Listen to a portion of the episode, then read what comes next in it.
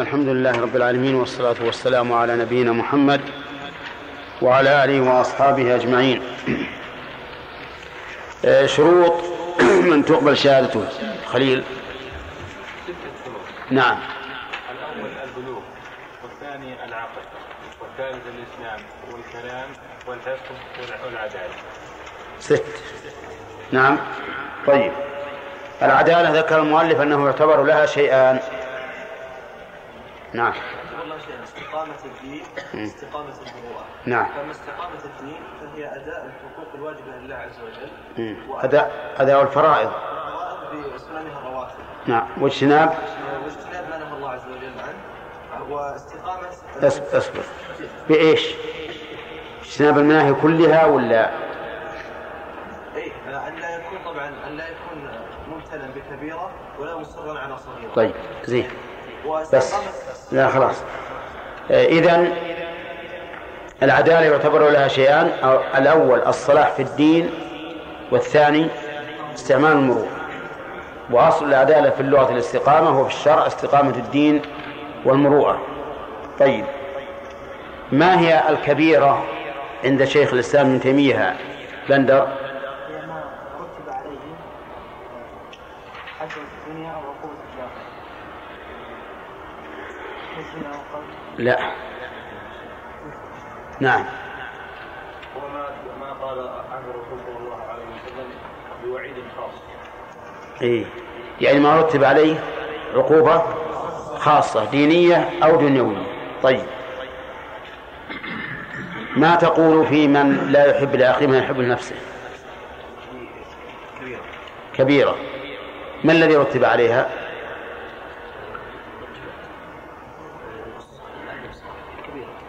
وش اللي رتب عليها في الشرع عشان نعرف إنها كبيرة. لا لا. العقوبة التي رتبت عليها في الشرع. ما هي؟ نعم. نفي الإيمان. لا يؤمن أحدكم حتى يحب لأخيه ما يحب لنفسه. طيب. آه وش مثال الصغيرة؟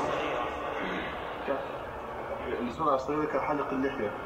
حلق اللحية. إذا لم يصر عليه.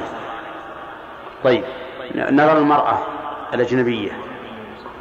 طيب التحدث معها لتمتع أو تلذذ. هذا أيضا من الصغائر.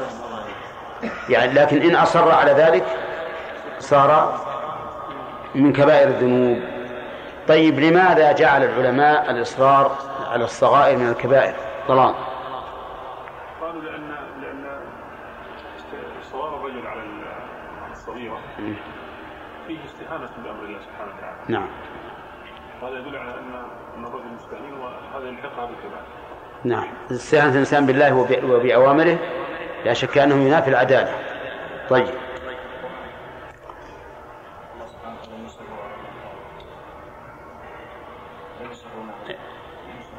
أي هذا في مقام المدح.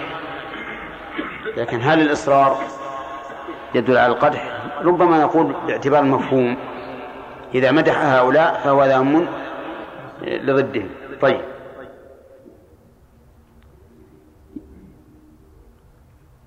هل تقبل شهادة الفاسق يا عبد الرحمن بن داود؟ لا تقبل. وش الدليل؟ نعم.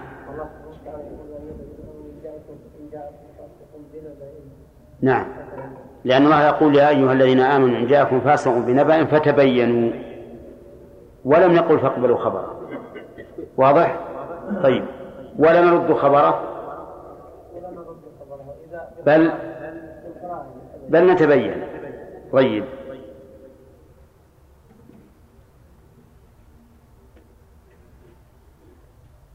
الثاني هذا مثل درس اليوم؟ ها؟ ما شرحت؟ طيب.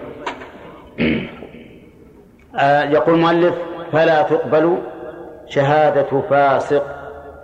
هذه ألف للتفريع والجملة مفرعة على ما سبق من قوله بأن لا يفعل كبيرة ولا يصر على صغيرة أو ولا يدمن على صغيرة.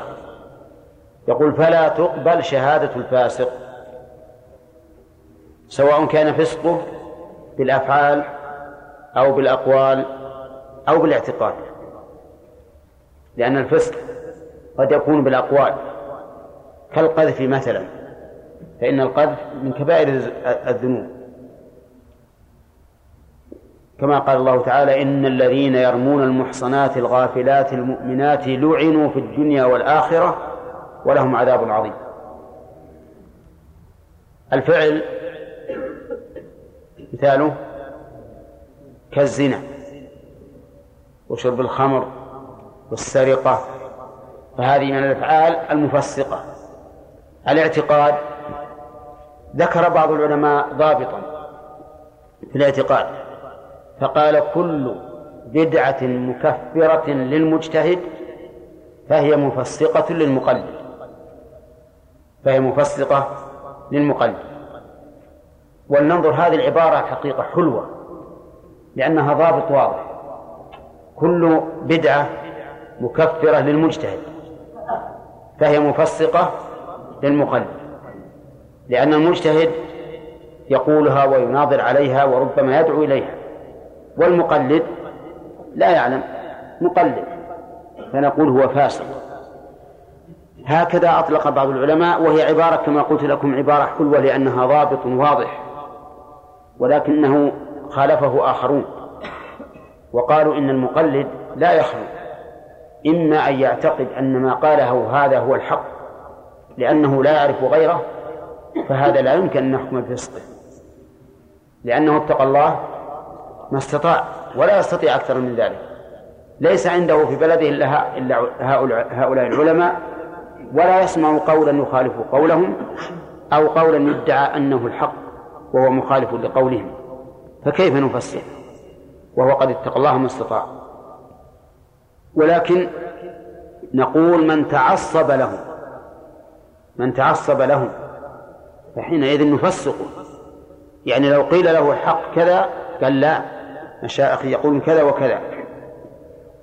فهذا لا شك أن نفسقه لأنه يشبه قول المشركين الذين يقولون إنا وجدنا آباءنا على أمة وإنا على آثارهم مهتدون والآية الثانية وإنا على آثارهم مقتدون على كل حال مثل لو قال قائل بخلق القرآن وأن القرآن مخلوق بائن من الله عز وجل فإن كثيرا من السلف أطلق عليه القول بالكفر وقال إنه إذا قال إن القرآن مخلوق فقد كذب قال الله تعالى أنزله بعلمه فجعله سبحانه وتعالى نازلا بالعلم لا مخلوقا بالقدرة. وإذا كان نازلا بالعلم لم يكن مخلوقا بالقدرة وإذا قلنا إنه مخلوق صار تكذيبا بقوله إيش؟ أنزله بعلمه وحينئذ يكون كافرا. كذلك من قال إن الله تعالى بذاته في كل مكان. فهذا كافر ولا شك في كفره نعم. فيكون الذي يقلد في هذا ها؟ فاسقا بشرط أن يعرض عليه الحق ولكن يصر ويتعصب لرأي متبوعه. كذلك من قال إن الله سبحانه وتعالى ليس فوق ولا تحت ولا يمين ولا شمال ولا متصل ولا منفصل فهو أيضا كافر. لأن هذا حقيقة العدم. المهم أننا نتتبع أقوال أهل العلم في البدعة المكفرة فإذا صار الإنسان المجتهد الذي نصب نفسه للفتوى والتعليم يقول بهذه المكفرة فالمقلد له بعد أن يعرض عليه الحق يكون فاسقا. نعم. اي ما فيه شك. بس ما يخرج الانسان من الإيمان. الثاني استعمال المروءة. الثاني مما يعتبر في الاستق... في العدالة. استعمال المروءة. ما هي المروءة؟ المروءة التخلق بالأخلاق الفاضلة. وإن كان في الشرح يقول المروءة هي الإنسانية. يكون الإنسان متخلق بالأخلاق التي ليس فيها ليس عليه فيها مثلب ولا أحد ينتقده. وهذه ترجع للدين ولا للعادة؟ هذه ترجع للعادة. وقد يكون بعضها دينا لكنها أصله العادة. فالمروءة هي ما تعارف الناس حسنه. هذه المروءة. ما تعارف الناس حسنه أو على حسنه فهي مروءة. وما تعارفوا على قبحه فهو خلاف المروءة. وإذا كان هذا فإن مرجع المروءة إلى العادة في الواقع. فقد يكون هذا العمل مثلا مخلا بالمروءة عند قوم غير مخل عند بالمروءة عند آخرين. وقد يكون مخلا بالمروءة في زمن غير مخل بها في زمن آخر. ما دمنا أرجعنا المروءة إلى العادة وهي ما تعارف الناس على حسنه فحينئذ تكون المسألة بحسب عادات الناس. مثلا قال العلماء من الإخلال بالمروءة أن ينام الإنسان بين الجالسين. إذا نام الواحد بين الجالسين فهذا سقطت مروءته. ليش؟ خلاف المعتاد وإذا خرج عن مستوى الجالسين سقطت مروءته وهذه تهمنا. إذا خرج عن مستوى الجالسين يعني الصف مثلا هو تقدم ولا تأخر سقطت مروءته أي نعم. يعني بعض الناس يشدد. وإذا مضغ العلك أمام الناس سقطت مروءته. نعم. وإذا أكل في السوق سقطت مروءته. هذه ما دمنا عرفنا فيما سبق أن الضابط في المروءة هو ما تعرف الناس على حسنه فهو مروءة وما تعرف الناس على قبحه فهو خلاف المروءة. ننظر الآن هل مثل هذه الأمثلة مخالف لما يعتاده الناس؟ ها؟ ينظر يعني الواحد بين أصحابه يمكن ينام. ولا لا؟ هو هو معهم في البر في نزهة وما أشبه ذلك. هم جالسون وهو نائم. ما يقال هذا خلاف المروءة لكن لو يجي واحد منكم الآن ينسدح بهذا. نعم. مروءة ولا غير مروءة؟ طبعا غير مروءة. غير مروءة. تختلف المسألة. أليس كذلك؟ مد الرجل. يقول مد الرجل بين الجالسين خلاف المروءة. نعم. نقول هذا صحيح؟ لا ما صحيح إطلاقا ولا ولا غير صحيح إطلاقا. حسب العادة. قد تكون بين أخوانك وأصحابك ويقولون عند الأحباب تسقط الآداب نعم وتمد رجلك. ولكن قد تكون في في مجلس موقر ما تمد رجلك. لو مددت رجلك لكن كل الناس يعيبون إذن فالمسألة خلافية يعني تختلف. ويذكر أن أن أبا حنيفة رحمه الله كان يقرر يقرر فجاء هكذا الرجل ذلك الرجل المهيب بهيئته وكان قد مد رجله بين أصحابه فكف رجله. ظنا منه أن هذا الرجل من أكابر العلماء. وجعل يقرر أظن يقرر في أوقات النهي أو في صيام رمضان. المهم تكلم تكلم ثم فقال هذا الذي يظن أنه شيخ أرأيت لو طلعت الشمس قبل الفجر؟ لو طلعت الشمس قبل الفجر. نعم. يقولون إنه مد رجله وقال إذا يمد أبو حنيفة رجله ولا يبالي. الله أعلم هل هذا صحيح ولا لا؟ على كل حال هذه المسألة ما دمنا ما دمنا ربطناها بالعرف فهي تختلف باختلاف الأعراف. طيب حده المؤلف قال وهو وهو فعل ما يجمله ويزينه واجتناب ما يدنسه ويشينه. لاحظ فعل ما يجمل عند الناس ويزينه مثل الكرم. الكرم. يجمل ولا لا؟ نعم.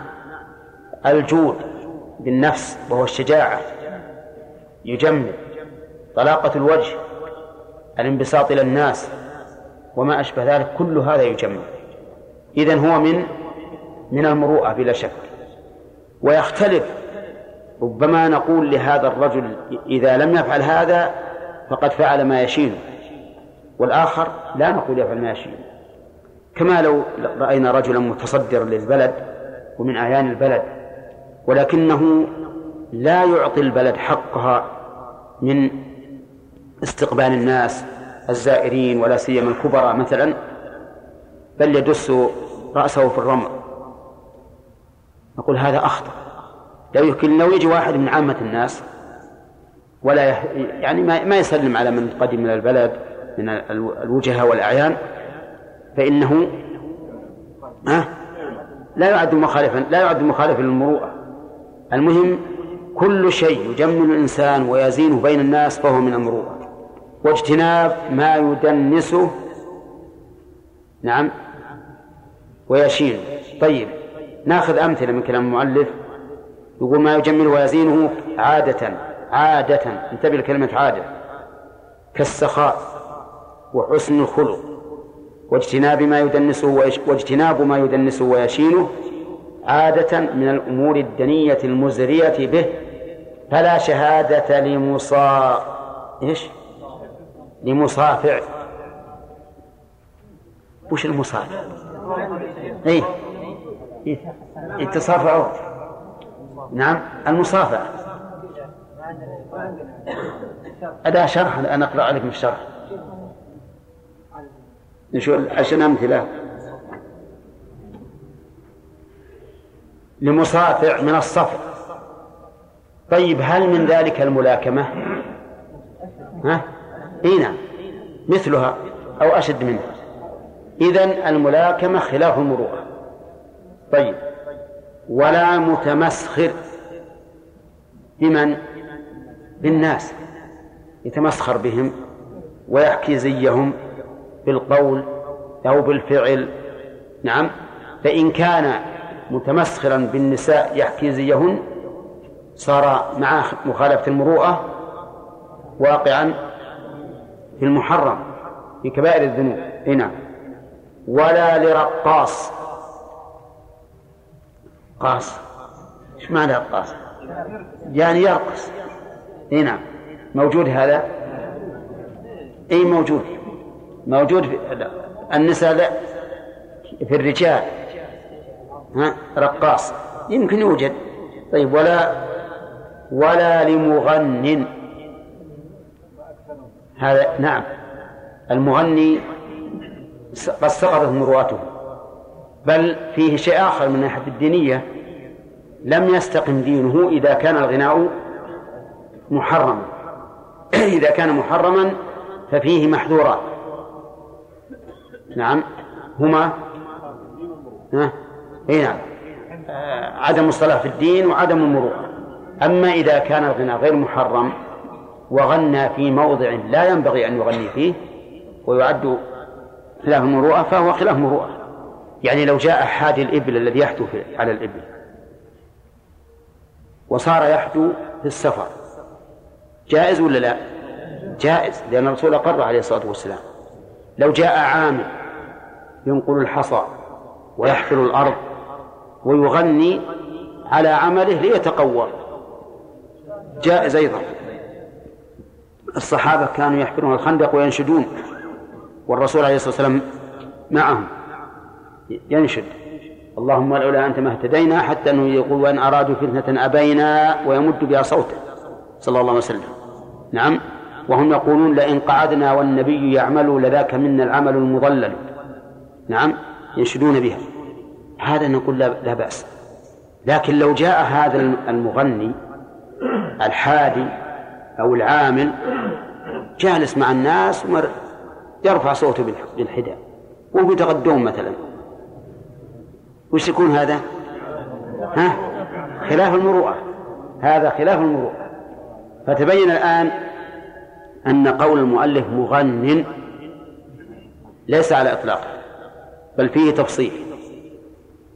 المغني بأغاني محرمة لموضوعها لأن أيضا الأغنية قد تكون محرمة من أجل موضوعها يكون موضوعا ساقطا هابطا. هذا مخالف للمروءة مخالف أيضا للدين خلل في الدين والمروءة. المغني غناء مباحا إذا استعمله في موضع لا يذم عليه فإنه لا يسقط المروءة. في موضع غير مناسب فإنه يسقط المروءة. طيب. وطفيلي وش هو الطفيلي ها؟ الطفيلي يقولون هو الذي يدخل على الناس بدون دعوة. بدون دعوة.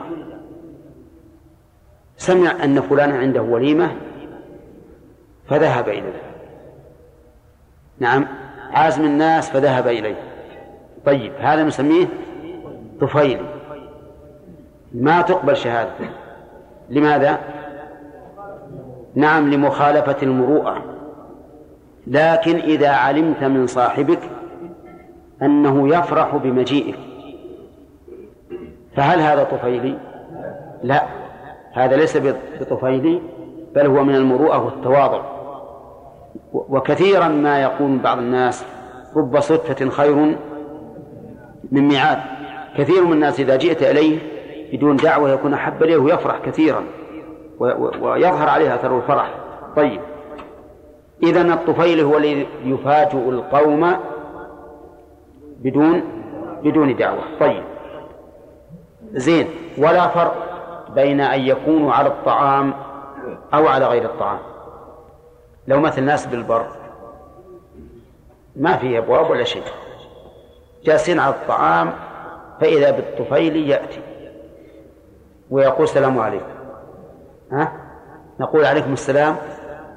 ها؟ طيب.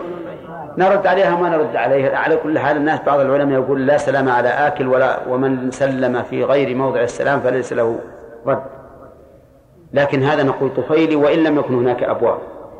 لأنه يفاجئ القوم عند تقديم الطعام ليضيق عليهم ومتزين بزي يسخر منه. كثير هذا ولا لا؟ موجود؟ ها؟ لا ما أسخر منها الآن البنطلون لكن غير مثل واحد حط له قرون على راسه حط له مثلا جناحين على يمينه ويسره ولا شيء. ويوجد هذا أظن في فيما يسمى بأفلام الكرتون. أولى يوجد هذا نسمع عنهم إنهم يجيبون أشكال وألوان. طيب. طيب. ولا لمن يأكل بالسوق. إلا في المواضع المعدة للأكل. مثل المطاعم. طيب. ولا إلا شيئا يسيرا. إلا شيئا يسيرا كلقمة وتفاحة. هذا لا بأس به. نعم. مع, مع أنه في الحقيقة بالنسبة لنا نحن هنا تسقط مروءته يا أخي لو تجي تمشي بالسوق جاي إلى المسجد بالصلب وأنت بالسوق ومعك تفاحة تاكله قدام الناس. وش يقول هذا؟ يمكن يقول هذا الرجل أصابه الجنون. نعم. ويمشي وراه لا يحدث شيء أكبر من هذا. لكن لو أنت على على المطعم نعم ما يعد هذا إي نعم مخالف مروءة. طيب يقول ولا لمن يمد رجله بمجمع الناس. مرت علينا ولا لمن ينام بين الجالسين. مرتين ونحوه. ولكن في الكتب الأخرى يقولون إن من خرج عن مستوى الجلوس فإنه تسقط مروءته. نعم. تحبون نطبق هذا الرأي؟ العرف. طيب. قال ومتى زالت الموانع؟ فبلغ الصبي وعقل المجنون وأسلم الكافر وتاب الفاسق قبلت شهادتهم. انتبهوا هذه أربع شروط. أربع شروط إنما تعتبر حال الأداء. بل بل ثلاثة نشوف الآن. متى بلغ الصبي؟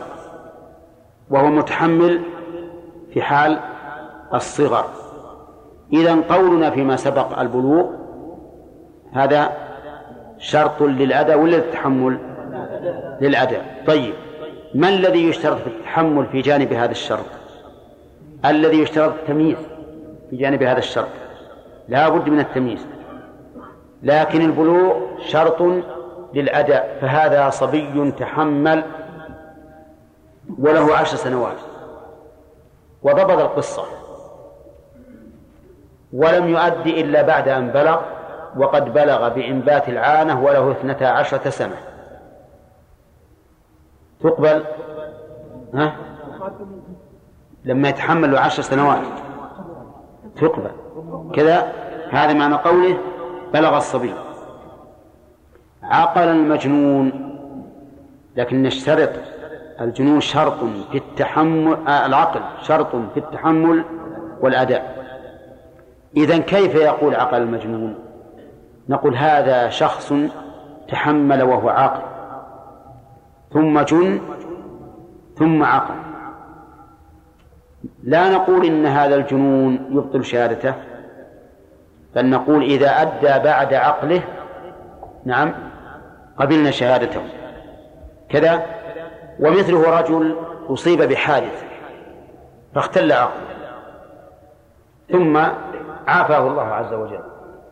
لا نقول إن هذا الاختلال ينسخ الذاكرة السابقة ولا نقبلها ولا نقبلها أي شهادته بل نقول إنها تقبل لأن هذا الشاهد تحمل وهو عاقل وأدى وهو عاقل.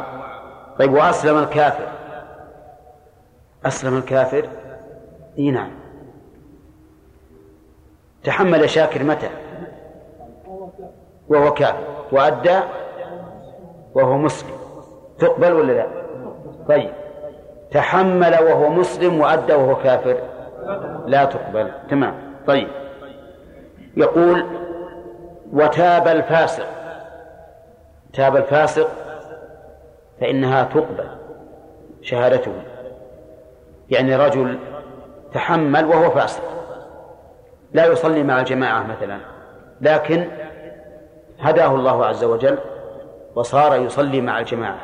نقبل شهادته إذن العدالة والإسلام والبلوغ. شرط لإيش؟ للأداء. شرط للأداء لا للتحمل.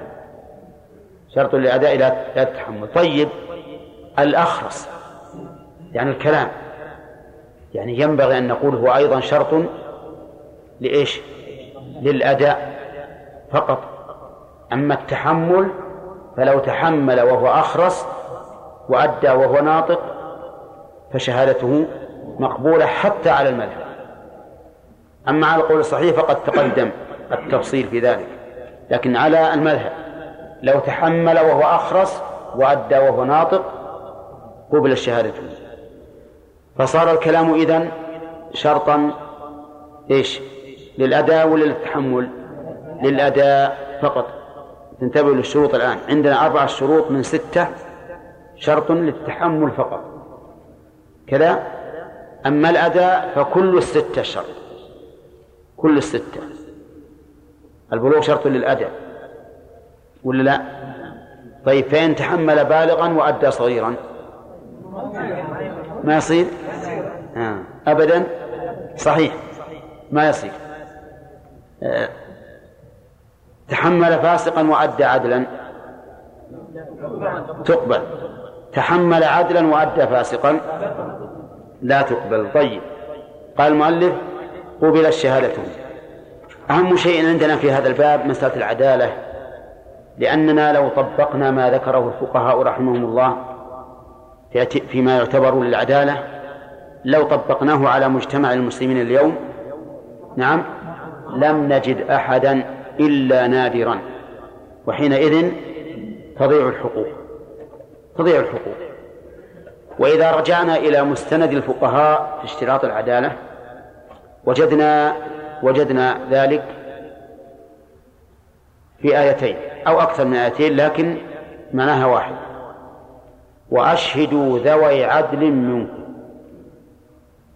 يا أيها الذين آمنوا إن جاءكم فاسق بنبأ فتبينوا. وعند التأمل قد لا يكون في الآيتين دليل على ما اشترطه الفقهاء.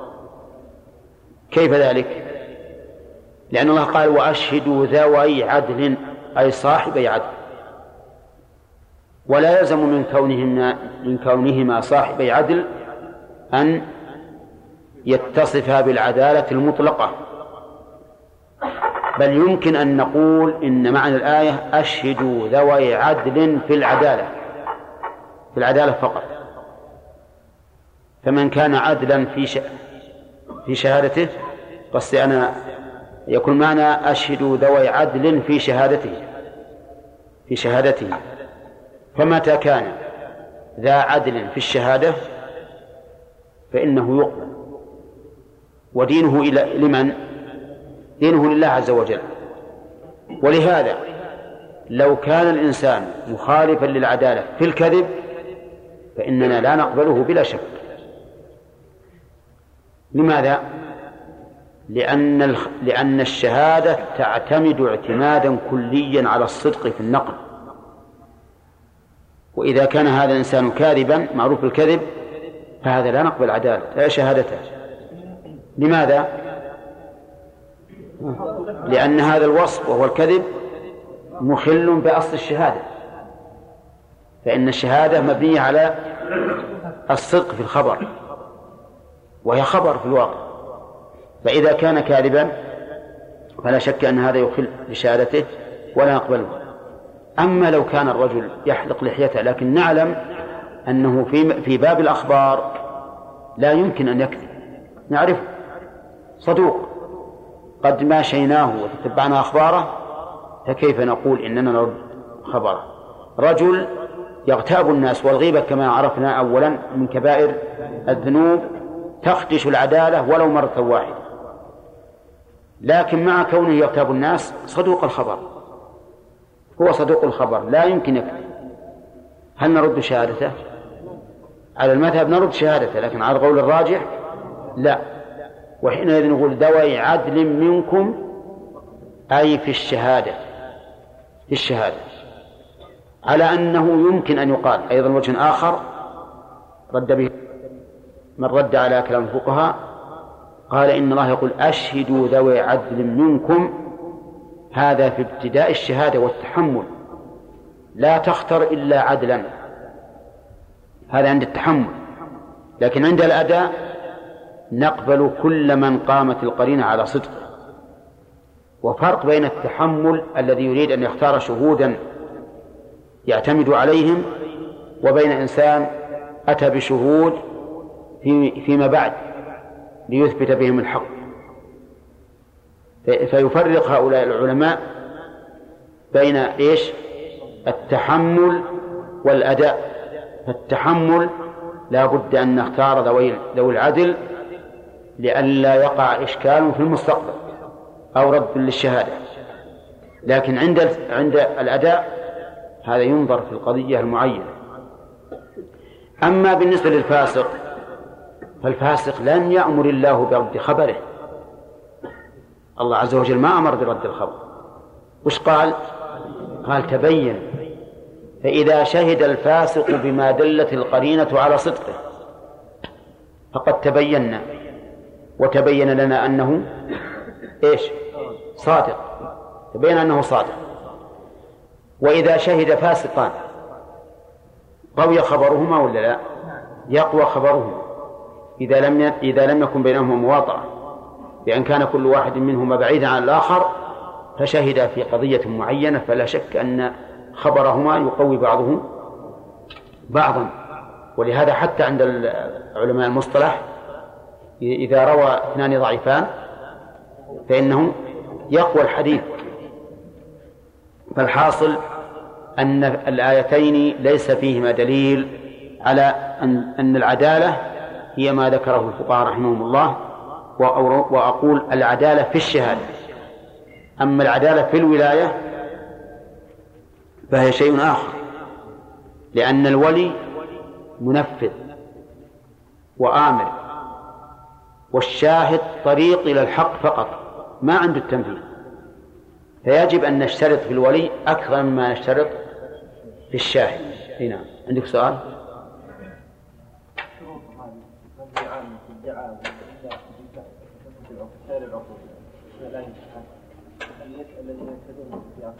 لا العدالة قد تكون ظاهرا وقد تكون باطنا. لا. العدالة ظاهرا وباطنا في في بعض المواضع لا تشترط. يعني في بعض المواضع يشترط العدالة ظاهرا فقط كولاية النكاح والشهادة به والأذان والشهادة برؤية رمضان. يجي سبعة وثمان صور يكتفى فيها بالعدالة الظاهرة فقط.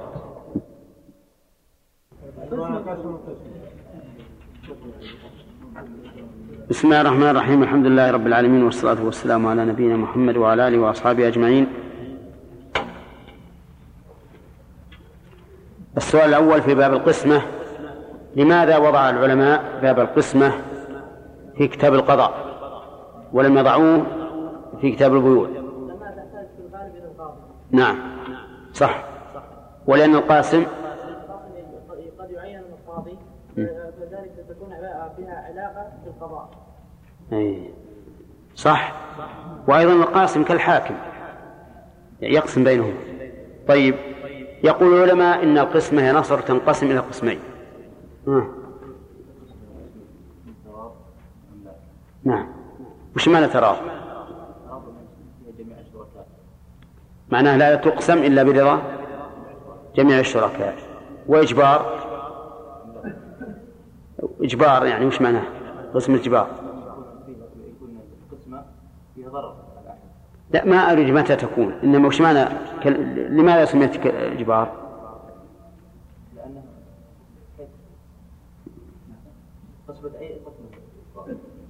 ها؟ لا يعني ذي سميناها قسم التراضي لأنها لا تقسم إلا برضا الشركاء جميعا هذه لماذا سميناها قسمة إجبار؟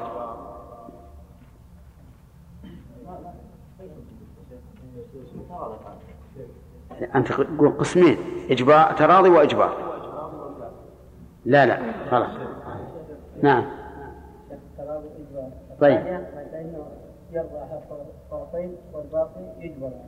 لأنه يجبر الممتنع منها.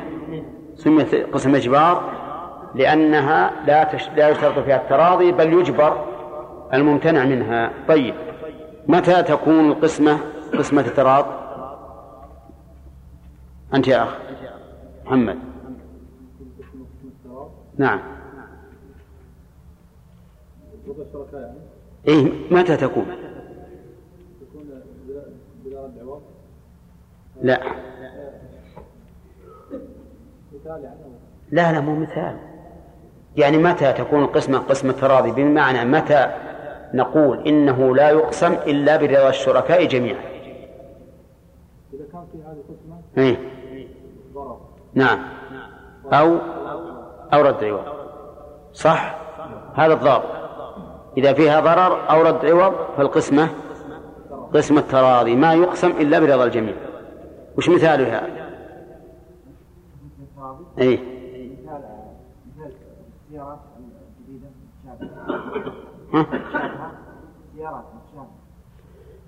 لا قسم التراضي يعني ما تقسم إلا برضا الجميع. على شارع وعلى الشارع بيت. اذا أردنا قسم الأرض فيجد برضا البائع نعطيه النصف ونعوضه بالمال والثاني ياخذ نعم. إلى الآن ما اتضحت الصورة بالحين. نعم. هي أن يكون صغيرة قسمت ما ينتفع بها يعني الاثنان أي نعم. الشركاء أي صح. طيب. حجاج يقول أرض صغيرة يتضرر آه، أحد الطرفين بقسمتها لا ينتفع بها. هل هذا هو الضابط للضرر الحاصل بالقسمة أو هناك ضابط آخر عادل؟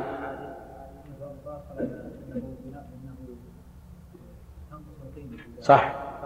أن الضرر المانع هو نقص القيمة. طيب وبينهما فرق؟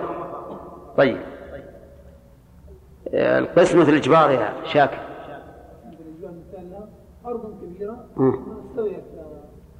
ما- فيها شيء لا فيها بناء وأجزاءه متفقة. هذه؟ صح. وإذا أبى أحدهما يجبر. طيب. ما تقول يا عادل. في سيف بين اثنين. طلب أحدهما قسمته. هل يجبر الممتنع؟ سيف. ليش؟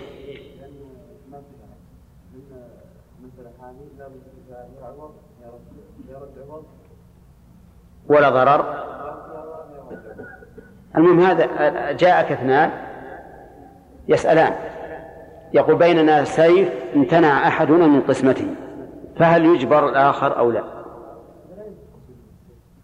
إذن إذن ما ما يقسم؟ بالترا طيب تراضيا أن يقسم. هل يقسم أو لا؟ إيه. إذا قسمنا لا ما العوض دقيقة يا جماعة المناقشة ما بعد تمم وش تقول؟ تراضي أن يقسم وهذا يلزم أن نكسر السيف. ها؟ ما نمكنهم وش تقولون؟ صح. لماذا لا نمكنهما والحق لهما. آه. هذا سفه وإضاعة مال. هذا سفه وإضاعة مال. كذا؟ طيب يا غانم. أي القسم أي النوعين من القسمة في حكم البيع أو في حكم الإفراز أي البيع أي النوعين من القسمة في حكم البيع أو في حكم الإفراز أم هو عندنا قسمة تراضي وقسمة إجبار أيهما الذي بمعنى البيع ويثبت أحكام البيع؟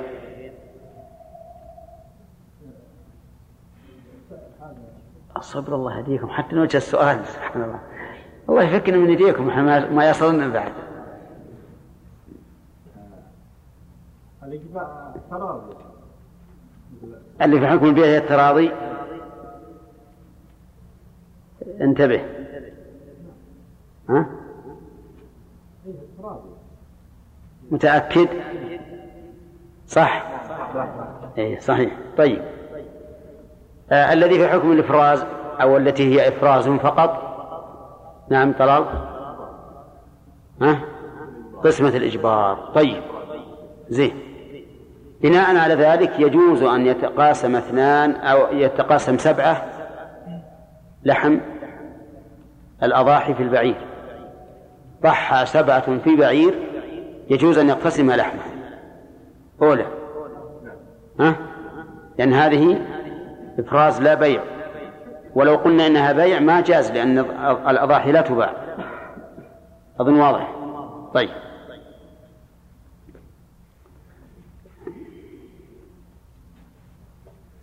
في في القسمة التي هي تراضي إذا امتنع أحدهما عن القسمة.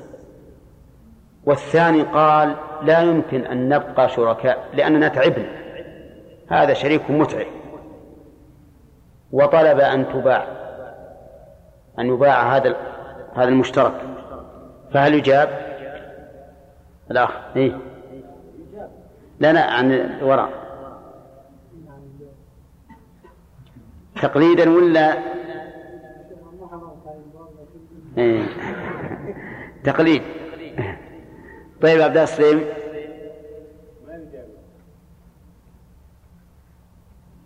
أنت فاهم السؤال؟ إذا كانت القسمة قسمة تراضي. ولم يرضى أحدهم. والثاني قال أنا ما أصبر على على هذه الشركة. وأريد أن تباع. ما تباع. نعم.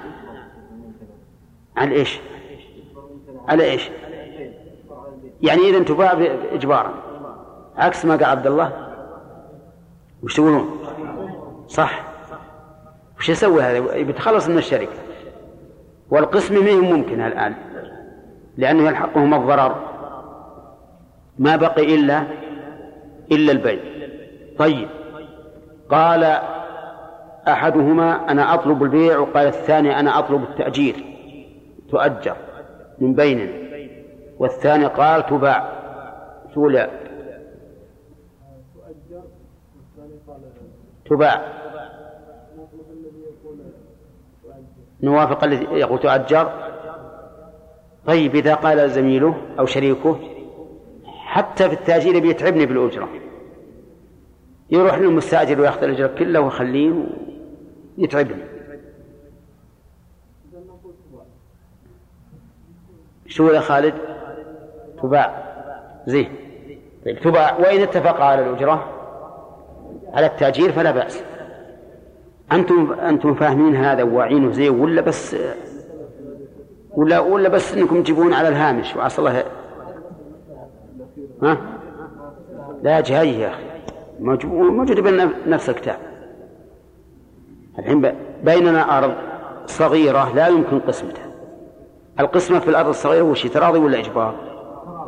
ها؟ تراضي؟ طيب. ما يمكن قسمها الان كل منهم قال أنا ما أرضى بالضرر.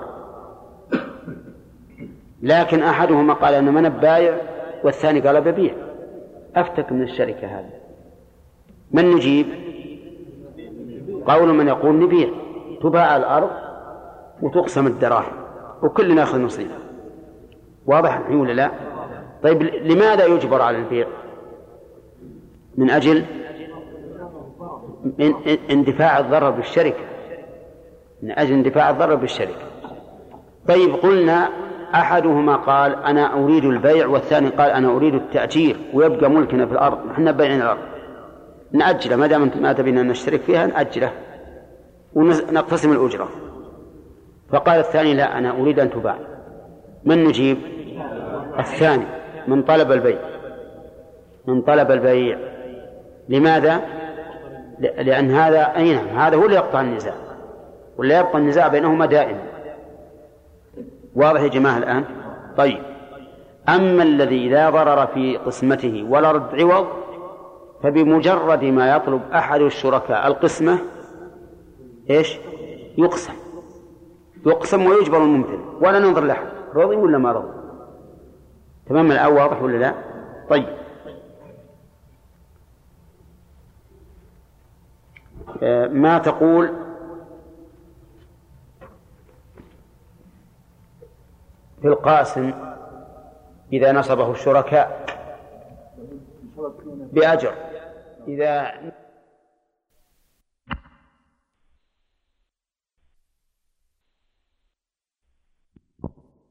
أجره على قدر الأملاك أو على قدر الشركاء. نقول المؤلف على قدر الأملاك نعم. والصحيح أنه على حسب ما يشترط عليه وإن لم يشترط على شيء فالأصل أنه على قدر الأملاك نعم. طيب. على قدر الملاك على قدر الملاك نعم. الدعاوى والبينات. نريد الضابط لتعريف المدعي. إمداد. ما حضرت؟ إيه. طيب يا خليل. المدعي على المذهب. إذا سكت لم يطالب يعني من إذا سكت ترك. والمدعى عليه؟ إيه. صح. المدعى عليه من إذا سكت لم يترك والمدعي من؟ إذا سكت ترك. أي أيهما الذي يطالب بالبينة؟ محمد شميمري. طالب أي نعم. المدعي عليه لا آه، المدعي يعني الرسول صلى الله عليه وسلم عليه البينة على المدعي واليمين عليه على المنكر. طيب. تداعى رجلان يا سفيان. تداعى رجلان في عين بيد أحدهما. أن تلفز بهالربع ما أدري شلون زي ها؟ شو؟ في عين بيد أحدهما.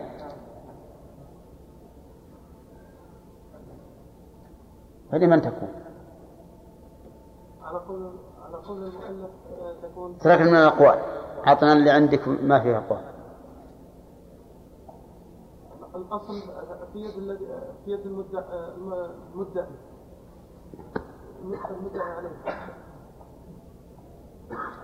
تكون للمدعى عليه؟ المدعي عليه لأن في يده تكون له؟ بيمينه ولا بدون يمين؟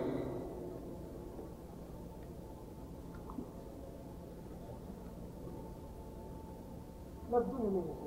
انها بدون يمين. اليمين على المدعي طيب حلف المدعي. تعطى إياه. والله إذا كان في قليل يا شيخ اليمين ما إيش معنى؟ تخرص نعم يا جعل. لا مع اليمين. لمن تكون؟ للمدعي. لمن في يده لمن هي في يده؟ مع يمينه طيب اللي هو في يده وش نسميه؟ مدعي ولا مدعى عليه؟ مدعى عليه. مدعى عليه. طيب. واضح يا جماعة؟ أقول كما قال أقول كما قال هو. طيب لو كان عنده بينة أنها له هذا المدعى عليه عنده بين الشهود أنها له هل نحلفه لعموم الحديث اليمين على من أنكر أو نكتفي بالبينة لأنها أقوى من اليمين. لا يحلف طيب وش نسوي بالحديث؟ اليمين على من أنكر. المدعي يقول ما عندي بينة. أنا أقول هذه لي هالكتاب اللي بيده لي بس ولا عندي بينة. اللي بيده الكتاب جاب شهود إنه له. قال هذا يشهد إني شريه من المكتبة الفلانية. هل يحلف المدعى عليه؟ اللي عنده الكتاب ولا ما يحلف؟ أنت تصور المسألة زين؟ تصوره زين؟ ها؟ هالكتاب اللي معك وش هذا؟ حاشة؟ طيب قال حجاج إنها لي حجاج يقول لك هذه لي وقلت أنت هذه ما هي لك وعندي شهود عبد الرحمن بن داود وخالد المزيني يشهدان بأني اشتريتها من مكتبة الغرباء. تحلف أنت معهم ولا لا؟ البينة معي تحلف ولا لا؟ ما تحلف. طيب الرسول صلى الله عليه وسلم يقول البينة على المدعي وهو حجاج واليمين على من أنكر وهو أنت؟ كيف نجيب على هالحديث إذا قلنا لا لا تحلف.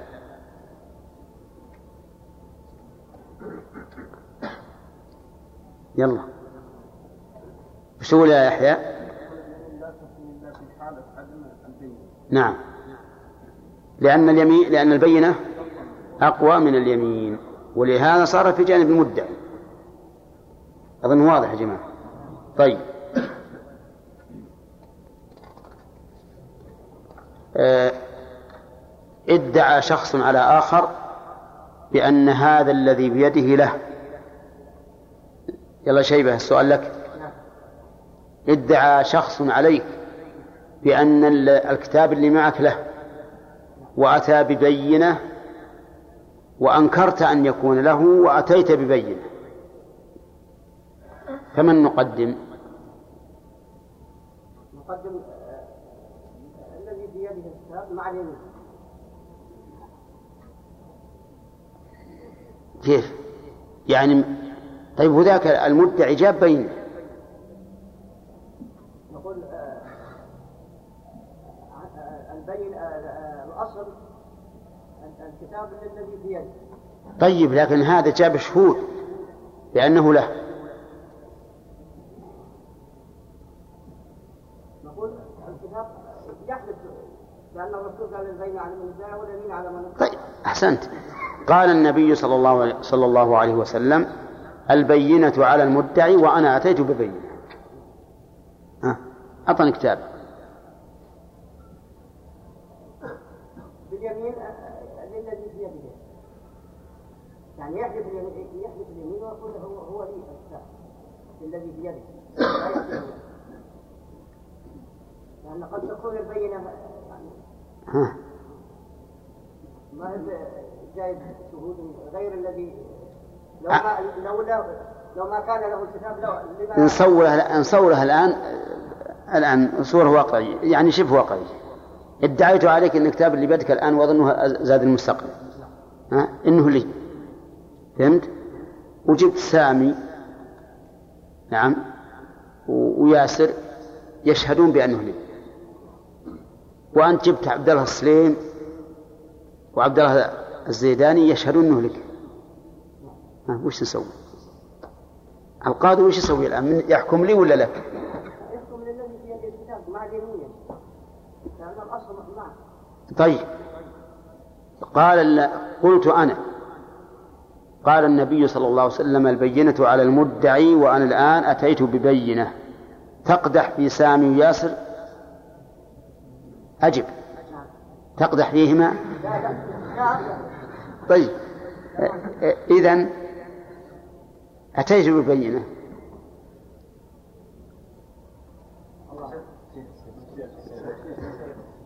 طيب نعم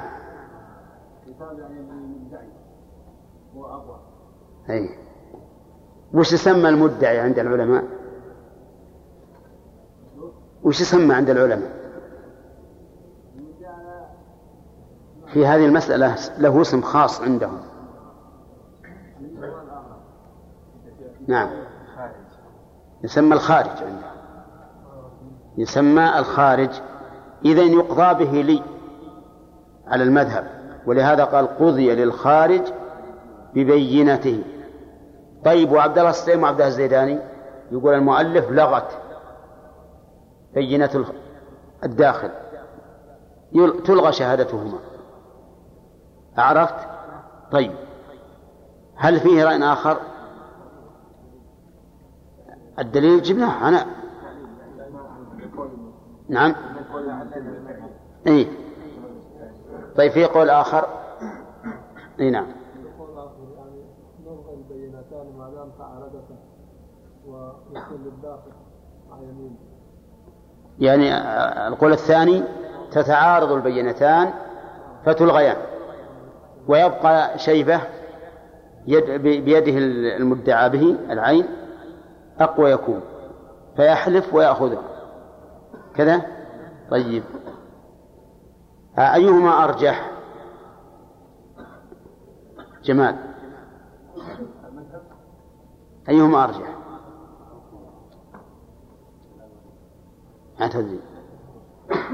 م- من يعرف من أرجح نعم. إنه يقضى للداخل. للداخل بيمينه تتعارض البينتان وتس- وتسقطان. طيب ما الذي يرجحه؟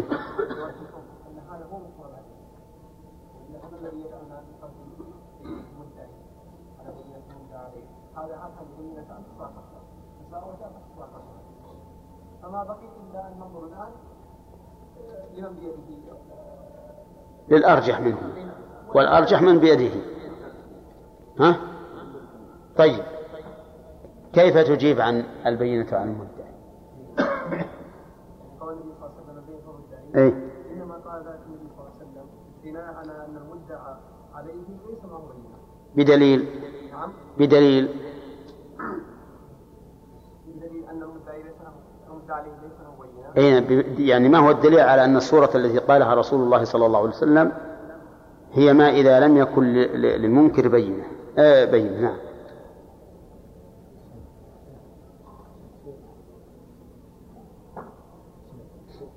نعم. نعم. صح. وأنتم تقولون إذا إذا أتى ببينة فليس عليه. فليس عليه يمين. فليس عليه يمين. إذا فالمسألة مفروضة في الحديث فيما إذا لم يكن للمنكر بينة. طيب. نعم.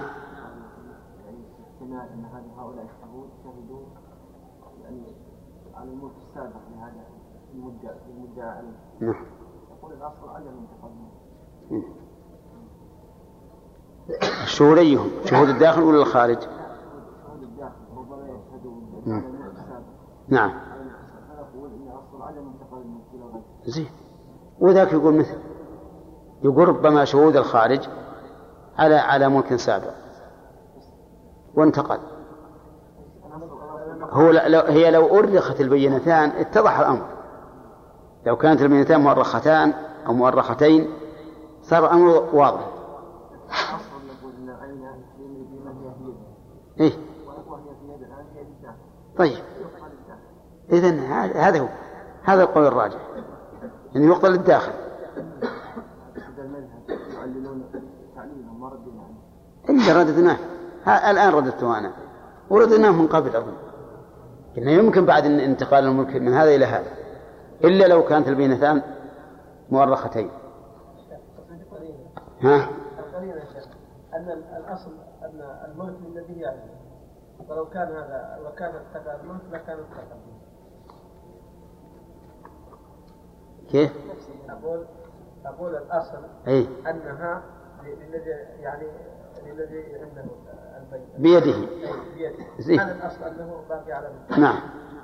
وهذه والشهداء أيضا آه، يرجحوا على هذا يشهدوا له. يعني طيب. إذا ترجح القول, القول الثاني.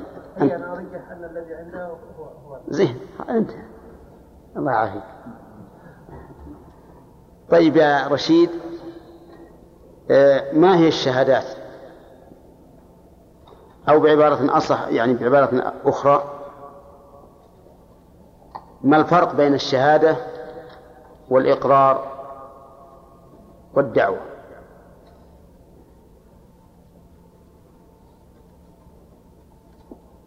الشهادة؟ نعم.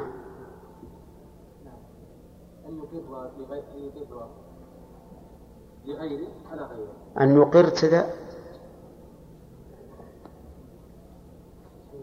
يضيف الشيء نعم. صح. والإقرار أن يضيف الشيء نعم. لغيره على نفسه. زين والدعوة أن يضيف شيئا لنفسه على غيره. صح. صحيح. طيب. إذا من هنا نأخذ تعريف الشهادة. ما هي؟ ها. غيره أن يضيف الإنسان شيئا لغيره على غيره. طيب. صح. آه، الشهادة آه، لها حكم. حين التحمل وحين الأداء. آه، ما حكمها؟ حال التحمل ولا حال الأداء؟ حال التحمل مستحب. إذا يعني كان هناك من يقوم بالتحمل. فإذا لم يوجد أحد يعني هو إذا قلنا فرض كفاية عرف أنه إذا لم يوجد تعين. لا الكلام على أن هل إن أن التحمل والأداء كلاهما فرض كفاية؟ أم يختلفان؟ ها. التحمل. فرض كفاية نعم. إلا إذا لم إلا هو فإنه هذه ما حاجة يا أمثال ليش؟ لأنه كل فرض كفاية. إذا لم يوجد إلا سواه تعين عليه. طيب. عند؟ عند عند الأداء فهو فرض عين فهي فرض عين. كذا؟ إيه نعم على شاء طبعا. ما هو الدليل على أنها فرض كفاية؟ الأخ. أنت. توك حاضر. طيب يا عبد الرحمن. قوله تعالى قوله تعالى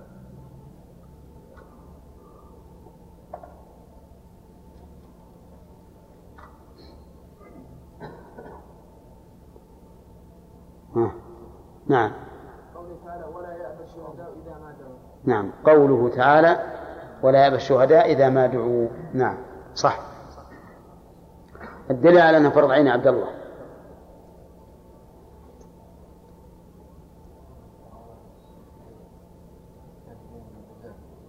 لا. نعم. كم؟ ولا تكتموا الشهادة وما يكتمها فإنه آثم قلبه صح. قلنا أن بعض العلماء يقول أنها فرض كفاية في الموضعين في التحمل والأداء لكن ما ذهب إلى المؤلف؟ أرجح. يقول المؤلف إنه من شرط الشهادة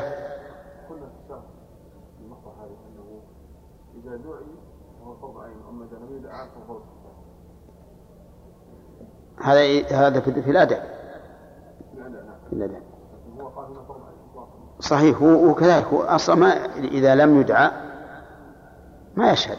بل حنا ذكرنا في الشرح إذا إذا لم يدعى فهل الأفضل أن يشهد أو ينتظر حتى يدعى؟ وأجبنا في هذا. لا هذا هذا على القول بأنه فرض كفاية. على القول بأنه فرض كفاية له أن يعتذر. إذا قلنا فرض عين لو يكون عشرة لازم يحضر. طيب. آه يلا درس زيداني. يقول المؤلف لا يجوز أن يشهد إلا بما يعلمه فما هي طرق العلم في, الش... في باب الشهادات؟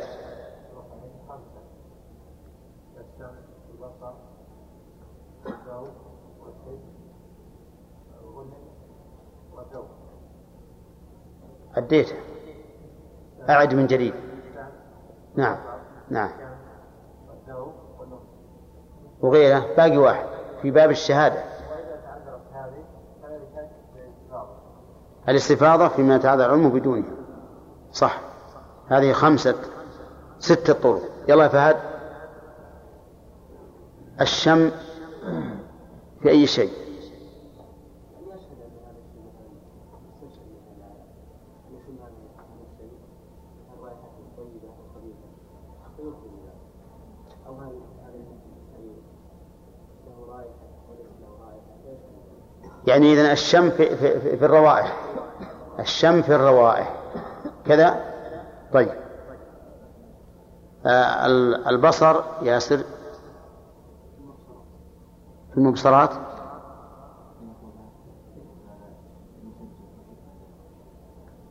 إيه. في المبصرات. طيب. إذا شهادة الأعمى فيما طريقه البصر لا تقبل. لماذا؟ لأنه متعذر زين. آه، السمع من اللي ما أخذ. نعم أحمد. السمع في المسموعات. في المسموعات ويعني يقول هذا يشهد به. إيه. صح. إذا لو شهد الأصم بما طريقه السمع. لا تقبل. لأنه لا يمكن أن أن يسمع. نعم يعني الذوق.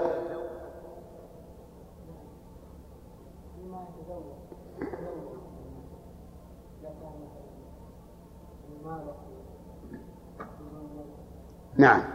أو أو حلو أو متغير الطعم لقدمه أو ما أشبه ذلك. طيب. لو شهد من لا ذوق عنده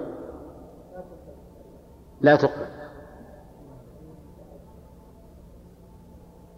صح؟ صحيح. ها؟ إي نعم. هو ما مر علينا في الجنايات إنه قد يجن يجني على الشخص فيفقد ذوقه. إي نعم مر علينا. إي نعم. طيب. في, في اللمس. نعم.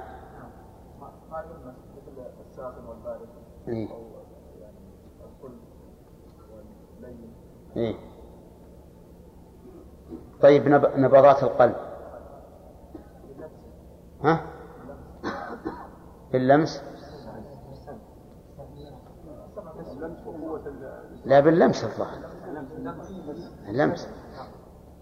يعني مثلا لو, أن إدعى على شخص بأنه كسر ماله هرب ومسكه واحد وشاف قلبه يرجع وقال ابدا أنا أمشي على هوني. ها؟ يمكن هذا ولا ما يمكن؟ يمكن. ولهذا أحيانا أحيانا إذا أح- أحد من اللصوص مثل سرق ثم حذف بنفسه على قوم النيام ونام كأنه من أحد النيام يجي الرجل المختبر ويمشي على النيام ويضع يده يده على صدورهم. إذا شاف اللي قلبه يخفق نعم؟ قالوا امسكوا هذا الرجال. هذا هو صاحبكم. ينظر ينظر. ينظر. نعم. لا ابدا ما يخاف إلا إلا المجرم. طيب. إذا إذا شهد بعقد من العقود فهل يشترط آه، ذكر شروطه أو لا؟ الأخ. أي نعم. شهد بعقد من العقود. هل يشترط ذكر الشروط ولا لا؟ أي نعم. أن هل يشترط يذكر شروط؟ ومثل شهد إن فلان باع على فلان شيئا. هل يشترط أن يذكر شروط البيع ولا لا؟ يشترط. لماذا؟ ما هو واضح يقول أنا أنا الآن أشهد. أشهد إن فلان قال بعت عليك هذا الشيء الفلاني قال ذاك قبلت. حقك شاهد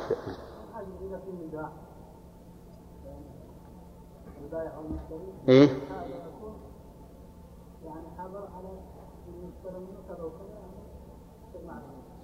والله قاربت لكن لما نعم طلال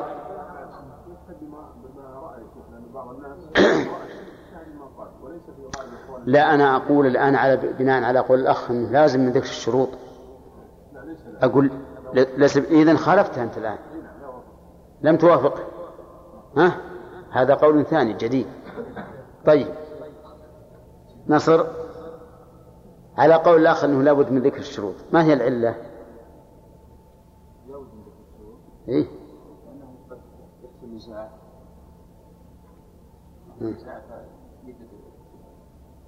نعم ولأن الشهادة يجب أن يكون مثل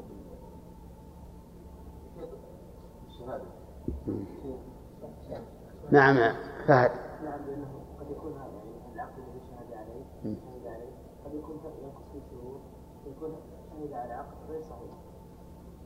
فإذا ذكر شروط هذا العقد دل على صحة العقد ودل على إمامه طيب خليل. ربما يعتقد الشاهد ما ليس صحيحا صحيحا. إيه صح. إيه نعم. هذا التعليل على المذهب. يقول لأن لأنه ربما أنه يظن أن هذا ليس بشرط وهو شرط. فيشهد بالصحة. نعم.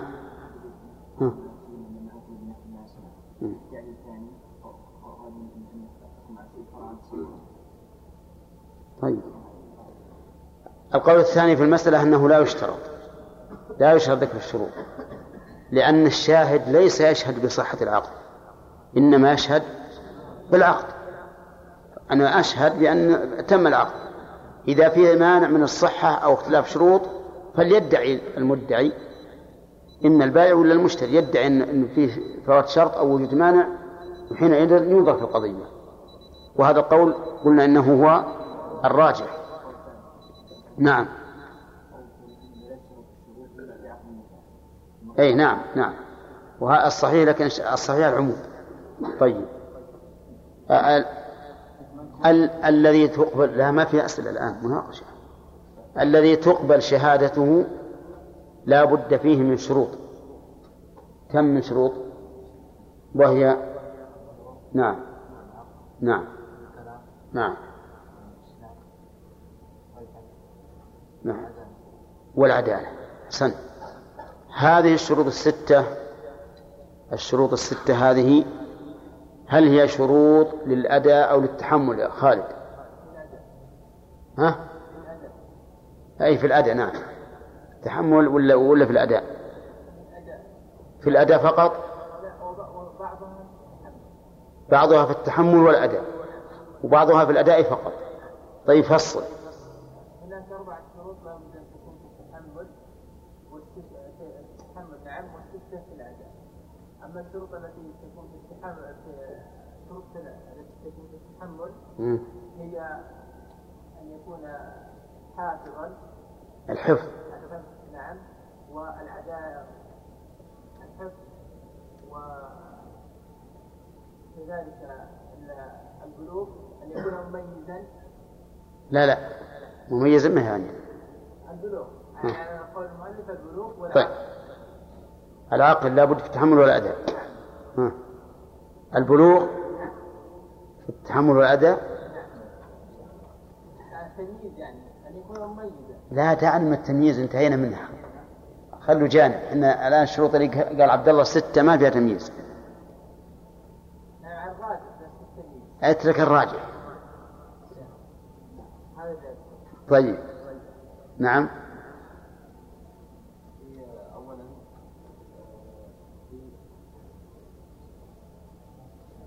البلوغ الآن يقول خالد إنه شرط في الأداء لا في التحمل. طيب. العقل شرط في التحمل والأداء هاي. لا نريد الذي يكون شرط في التحمل في الأداء دون دون التحمل. إيه. نعم. لا. الحفظ فيهما جميعا. والإسلام.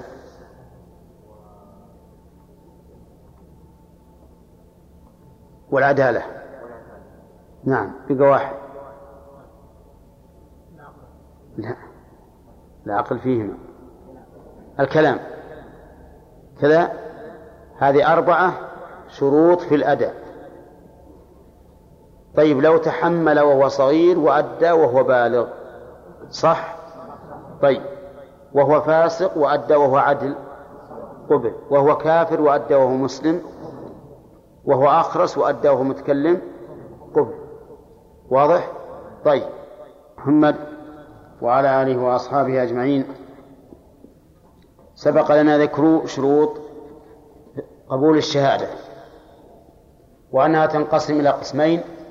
قسم منها شروط للتحمل والأداء وقسم منها شروط للأداء فقط. ف وأظننا أخذنا فيها المناقشة. طيب. قال باب موانع الشهادة وعدد الشهود. هذا الباب تضمن مسألتين المسألة الأولى موانع الشهادة. يعني الموانع التي تمنع من قبول شهادة الشاهد مع استكمال الشروط. والموانع في اللغة جمع مانع وهو الشيء الحائل دون الشيء يسمى مانعا. وأما في الاصطلاح فإن المانع هو الذي يحصل بوجوده العدم أو يلزم من وجوده العدم ولا يلزم من عدمه العدم. يلزم من وجوده العدم ولا يلزم من عدمه العدم.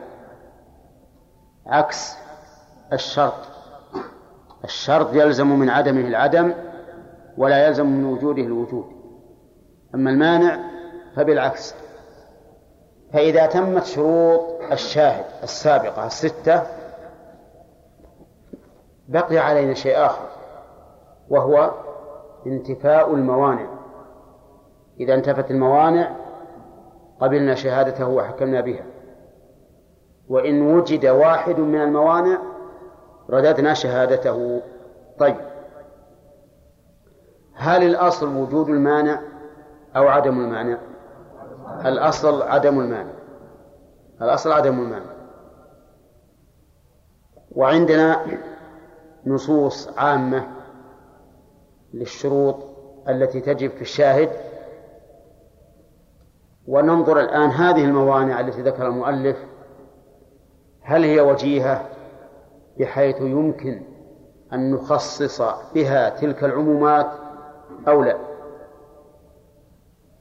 لننظر. يقول المؤلف لا تقبل شهادة عمودي النسب بعضهم لبعض. يريد بعمودي النسب الأصول والفروع. الأصول من الأمهات والآباء والجدات والأجداد. هؤلاء أصول. وسموا أصولا لأن الإنسان يتفرع منهم. والعمود الثاني الفروع وهذا هو العمود النازل. والأول العمود الصاعد. هذا العمود النازل هم, الفروع يعني الأبناء والبنات وأولاد الأبناء وأولاد البنات وإن نزلوا. هؤلاء لا تقبل شهادة بعضهم لبعض. وإن كانوا عدولا وإن تمت فيهم الشروط الستة السابقة فلو شهد أب لابنه لم تقبل شهادته أو ابن لأبيه لم تقبل شهادته أو شهد ولد لأمه لم تقبل شهادته. أو أم لولدها لم تقبل شهادته نعم. المهم أن هذا مانع. فما هو الدليل على كونه مانعا؟ يقول الدليل قوة التهمة. قوة التهمة. لأن الإنسان متهم إذا شهد لأصله أو شهد لفاضله فإذا كان متهما فإن ذلك يمنع من قبول شهادته لاحتمال أن يكون قد حاب أصوله أو فروعه. إذن الدليل على أن هذا مانع هو تعليل وليس دليلا من الكتاب والسنة ولكنه تعليل وهو قوة التهمة أليس كذلك يا شاكر؟ ها؟ طيب قوة التهمة إذا علمنا أن التهمة معدومة لكون الأب أو الأم مبرزا في العدالة لا يمكن أن تلحقه تهمة فهل نقبل الشهادة أو لا؟ نعم. كلام المؤلف يقول لا. ما نقبل الشهادة. حتى لو كان الأب من أعدل عباد الله أو الابن من أعدل أعداء الله فإنه عباد الله فإنه لا تقبل شهادته لأن كونه في هذه المرتبة من العدالة أمر نادر. والنادر لا حكم له. فالعبرة بالأغلب والأغلب أن الإنسان تلحقه التهمة فيما إذا شهد لأصوله أو فروعه. ولا سيما يا عبد الرحمن ولا سيما في عصرنا الحاضر الذي غلبت فيه العاطفة على جانب العقل والدين عند كثير من الناس. عرفتم الآن؟ طيب. فيه قول آخر في المسألة أنها تقبل شهادة الأصول لفروعهم والفروع والفروع لأصولهم إذا انتفت التهمة. إذا انتفت التهمة. وأن وأن العبرة في كل قضية بعينها. وجه ذلك أن العمومات الدالة على قبول شهادة العدل لا يستثنى منها شيء إلا بدليل واضح بين يمكننا أن نقابل به عند السؤال. وإلا فإن الله يقول استشهدوا شهيدين من رجالكم وهؤلاء من رجال وأشهدوا ذوي عدل منكم وهؤلاء من ذوي العدل. سواء قلنا إن العدل استقامة الدين والمروءة مطلقا أو قلنا إن العدل هو العدل في تلك الشهادة المعينة كما ذكره شيخ الإسلام ابن تيمية. فنقول إذا كان هذا الأب مبرزا في العدالة لا يمكن أن يشهد لابنه إلا بشيء هو الواقع. نعلم هذا من حاله. فنقول هذا الرجل ذو عدل. هذا الرجل ذو عدل في هذه الشهادة لأنه متهم ولا غير متهم؟ غير متهم. فننظر إلى كل قضية بعينها. لا سيما إذا وجدت قرائن تؤيد ما شهدوا به. فإن هذا يكون نورا على نور. فعلى هذا القول نقول هل الأصل القبول أو الأصل المانع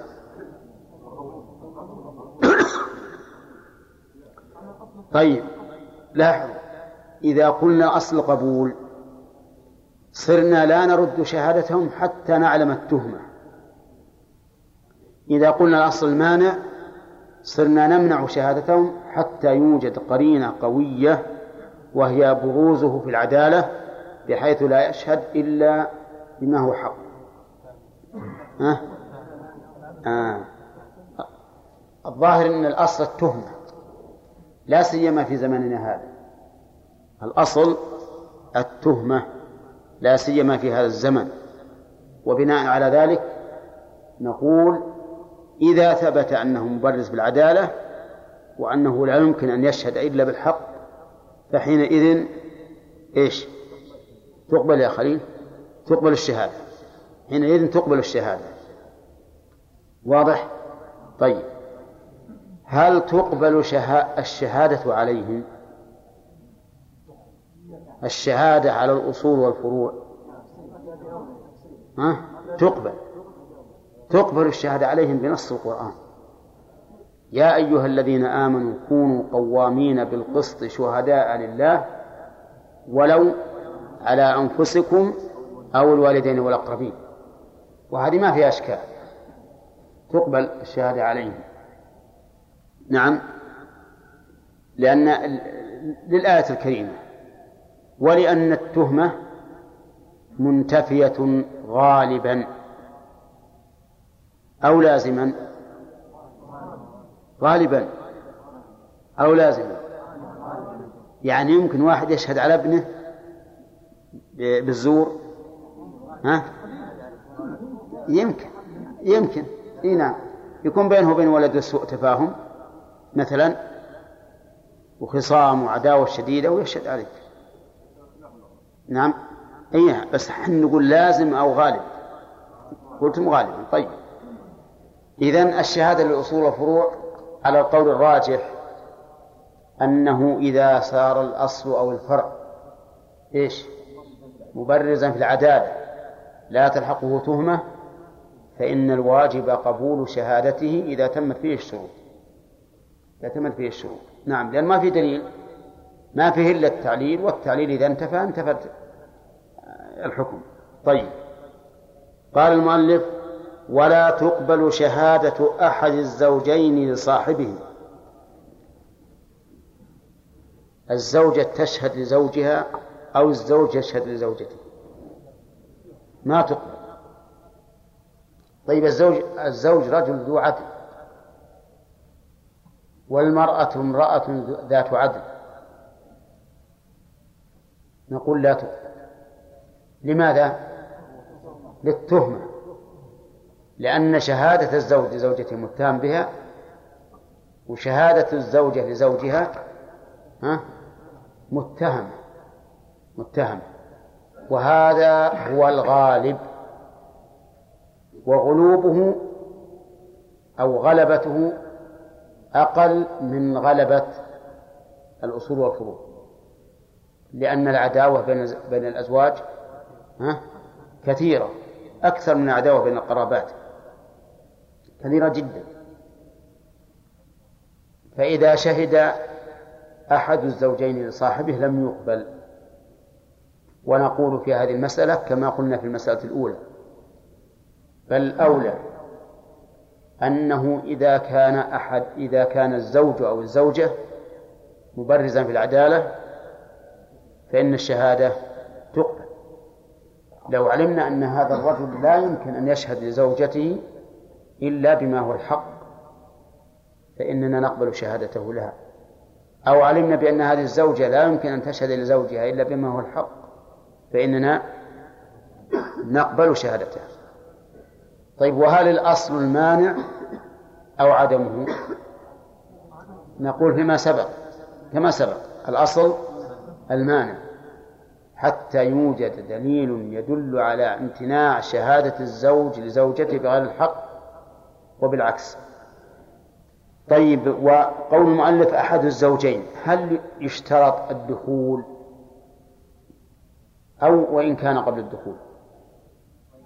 ها؟ وإن كان قبل الدخول. نعم. وإن كان قبل الدخول. فإذا شهد لها وقد عقد عليها فإنها فإنها لا تقبل. طيب. المخطوبة. هل يصح أن يشهد يقبل أن يشهد لها؟ ليس الزوجة. لكن لكن ربما تكون التهمة أقوى. نعم. أنه يشهد لها من أجل تمضي في القبول.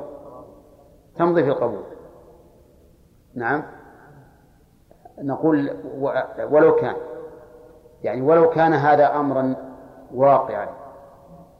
أنه قد يشهد لمخطوبته من أجل أن تمضي في القبول. فإننا نقبله. فإن نقبله. نعم لو وجدت قرائن تكذبه فهذا شيء آخر. لكن من حيث هو خاطب فإن ذلك لا يمنع قبول شهادته لمخطوبته ولا شهادتها له أيضا. طيب. المطلقة آه. المطلقة إن كانت قد انتهت عدتها فلا شك في قبول شهادته لا. لأنه لا علاقة بينه وبينها. وإن كانت في العدة فإن كانت رجعية فحكمها كالزوجة. لا تقبل شهادته لها وإن كانت بائنا فمحل نظر. لأنك إن نظرت إلى أنها معتدة له قلت إنها مشتغلة ببعض متعلقات النكاح ولها نوع صلة بالزوج. وإن قلت إنها بائن قلت انقطعت العلاقة بينهما. نعم. طيب. إذا كانت الزوجة قد ماتت تقبل شهادته لها؟ إيه؟ ملك. انتبهوا انتبهوا. مادة باقية. ماتت الله المستعان ها؟ فيه فيه تهمة من جهة أخرى. في الإرث في الإرث إذا كان بيشهد بمال فهو سيجر إلى نفسه نفعا إذا كان بيشهد بمال. نعم أو يدفع عنها ضررا. طيب. إذا انتهينا من كلام أحد الزوجين لصاحبه وقلنا إننا نقول فيه كما قلنا في شهادة الأصول والفروع أنه إذا كان مبرزا في العدالة فإنها تقبل لأن هذا هو مقتضى عمومات الكتاب والسنة. طيب. ذكرنا ذكرنا فيه البائن قلنا محل نظر. قال وتقبل عليهم. على من؟ على الأصول والفروع والزوجين. فتقبل شهادة الزوج على زوجته والزوجة على زوجها. مثل أن يشهد على زوج زوجته بأنها باعت ملكها على فلان أو بأنها اعتدت على فلان وأتلفت ماله أو ما أشبه ذلك. نقول هذا جائز ولا لا؟ نعم. انتبهوا. اعتدت على مال فلان فأتلفته شهد عليه. جائز؟ لأنه يشهد؟ طيب. أنها باعت ملكها على فلان؟ لا يشهد. لا يشهد. لأن البيع ما هو على الإنسان. البيع له وقد يكون عليه. لأنه له حيث سيطالب المشتري. بماذا؟ بالثمن. وعليه حيث سيطالبه, سيطالبه المشتري بالسلعة طيب. قال ولا من يجر إلى نفسه نفعا يعني ولا تقبل. شهادة من يجر إلى نفسه نفعا أو يدفع عنها ضررا. من يجر إلى نفسه نفعا لا لا تقبل شهادته. مثل أن يشهد الشريك في مال مشترك. شريكان في في مال. فباع أحدهما المال المشترك. ثم إن الأشياء نزلت فادعى المشتري أنه ما أنه ما اشترى. والشريك يدعي أنه إيش؟ أنه باع. أولى أنه باع على هذا الذي أنكر أنكر. فشهد الشريك لشريكه فلا يقبل لماذا؟ لأنه يجر إلى نفسه نفعا. لأنه إذا تم البيع استفاد هو لأنه شريك. فلا تقبل شهادة الشريك ما هو شريك فيه لشريكه. كذلك لو شهد لو شهد الورثة بجرح الموروث قبل اندماله. ثم مات الموروث من الجرح. فإن شهادتهم لا تقبل. لماذا؟ لأنهم سيجرون إلى أنفسهم نفعا بهذه الشهادة. ما هو النفع؟ الدية.